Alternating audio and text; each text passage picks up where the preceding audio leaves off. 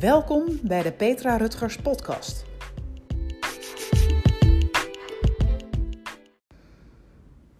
Wat goed dat je vandaag weer luistert naar deze podcast. Waar ik het met je over wil hebben is positieve en negatieve emoties. Wat heb je er eigenlijk aan? Er gebeurt nogal veel in de wereld en je zou denken dat je altijd positief moet zijn. En ik ben er in principe ook voor, hè, dat positiviteit je verder brengt dan negativiteit. Want als je veel in je negativiteit blijft hangen, uh, zal je ook waarschijnlijk negativiteit aan blijven trekken. En dan kom je in een neerwaartse spiraal naar beneden. Maar wetende dat je ook ja, negatieve mindset of emoties moet hebben om bijvoorbeeld gevaren te zien. Of dat je kritisch op jezelf kan zijn. En ik ben me er zeker van bewust dat er ook emoties zijn die echt meer jou blokkeren, ehm, je stilzetten. Want misschien heb je wel eens een emotie ervaren van angst of verdriet of frustratie, boosheid. Hoe ga je daar dan mee om? En ik weet nog wel van vroeger dat er altijd werd gezegd van als je aan het huilen was, dat je verdrietig ergens over was. Kreeg je een snoepje, want je moest niet meer huilen. Hoezo? Wie heeft dat ooit bedacht? Dus we hebben eigenlijk al van jongs af aan geleerd dat er heel veel emoties gewoon er niet mochten zijn. Uh, we moesten ze onderdrukken. Nou, dan heb jij wel eens geprobeerd om een bal heel lang onder water te houden.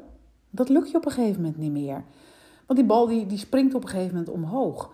En zo is het ook met onze emoties wetende, en misschien heb je die ervaring wel eens, en ik hoor het namelijk ook van klanten terug hier in de massagepraktijk, um, dat soms uit de meest onverwachte hoek worden mensen in één keer boos. Of worden ze namelijk enorm verdrietig. Want waar komt dat nu vandaan? Ik denk, ja, ik weet het wel.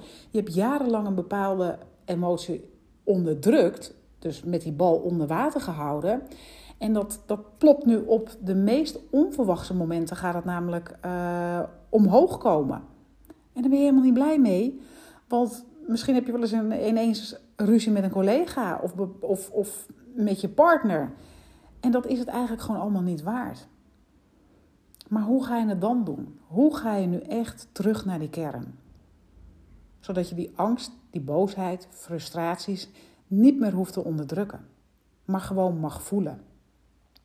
Zonder dat ze na een paar dagen weer eens in één keer geprojecteerd worden op een situatie die er helemaal niks mee te maken heeft. Dus nogmaals, zo kun je dagen, maanden, zelfs jaren bezig zijn om dit te blijven onderdrukken. Maar hoe mooi zou het zijn als je ruimte kan creëren en dat het volledige gevoel naar boven mag komen. En ik ben me er zeker bewust van. Dat kan zeker een beetje eng zijn als je die emotie ineens de ruimte gaat geven. Mocht je deze emotie gaan voelen, adem dan eens diep in en zeg tegen jezelf: Het is oké wat ik nu ervaar. Maar blijf erbij. En dat kan soms best wel een beetje spannend zijn, want wie weet wat er naar boven kan komen, wat je jarenlang um, hebt lopen onderdrukken. Als het naar de oppervlakte kan komen. Maar ook dat is oké. want dan zal je merken dat je het gaat aanpakken tot diep in de kern. En als jij je gevoelens de ruimte kan geven, dan kan het op een rustige manier een plekje krijgen. Laat ik je meenemen naar een klein voorbeeld. Stel, ik sta in een gangkast en ik zie allerlei muizen om me heen lopen. Wat zou mijn reactie zijn? Ja, paniek, want inderdaad, ik ben bang voor muizen. Uh, misschien ben jij dat voor spinnen, maar stel jezelf eens voor, je staat in een kleine ruimte en je ziet dingen om je heen die je eigenlijk niet wil zien, die paniek opleveren. Maar wat zou er nu gebeuren als jij in een hele grote kamer staat en aan de andere kant van die ruimte zie, zie ik dus die, die, die muizen lopen? Wat zou er dan met me gebeuren? Ja, ik zou nog steeds een reactie van angst hebben en van spanning. Maar die angst is vele malen lager. En stel je nu eens voor dat ik buiten in de natuur sta en ik zie in de verte een aantal muizen lopen. Hoe zou dan mijn reactie zijn? Ja, een stuk minder heftig. En weet je waarom? Er is meer ruimte. Want die muizen die zijn hetzelfde. Daar is namelijk helemaal niks aan veranderd. Maar er is veel meer ruimte om me heen. En dat is mooi, dat je die gevoelens op een andere manier kan ervaren. Dus die gevoelens van angst, van spanning, frustratie, boosheid. Ik probeer het niet meer op te lossen, maar ik ga het namelijk een ruimte geven. En hoe zou het zijn voor jou als je er niet meer tegen hoeft te vechten? En niet meer dat gevoel, die, die nare emoties te hoeft te onderdrukken, maar dat het er gewoon mag zijn. En je kan je voorstellen dat het eigenlijk veel makkelijker gaat. En in het begin zal het best nog wel even wennen zijn, want dit is een nieuwe methode voor je. Of je kent hem misschien al. Maar wat ik wil zeggen is dat je hoeft het niet altijd heel geforceerd te doen. Maar neem het mee in, in, in je positieve mindset. Want hoe fijn zou het zijn, de bagage die je misschien al dagen, weken, maanden of misschien zelfs al jaren met je meesleept.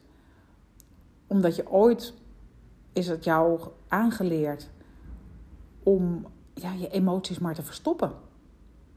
Want wees eens eerlijk. Kan jij in het bijzijn van je beste vriendin, van je partner, van je collega's, mag je daar je emoties laten zien? Of slik je die alleen maar in? En het gaat inwendig in jouw broeden, zodat je misschien na een tijdje allerlei lichamelijke klachten aan het creëren bent.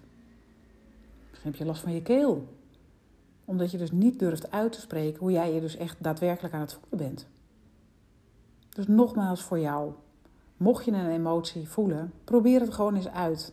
Een diepe inademing en zeg tegen jezelf: Het is oké wat ik nu voel. En doe het gewoon stap voor stap. Ga niet meteen denken: Ah, in één dag is het uh, allemaal gefixt. Want in één dag was deze emotie er ook niet. Daar loop je al een tijdje mee. Dus geef het alsjeblieft de tijd. Maar door het te oefenen, zal je lichaam meer vertrouwen krijgen. Zal je brein meer vertrouwen krijgen dat het allemaal oké is.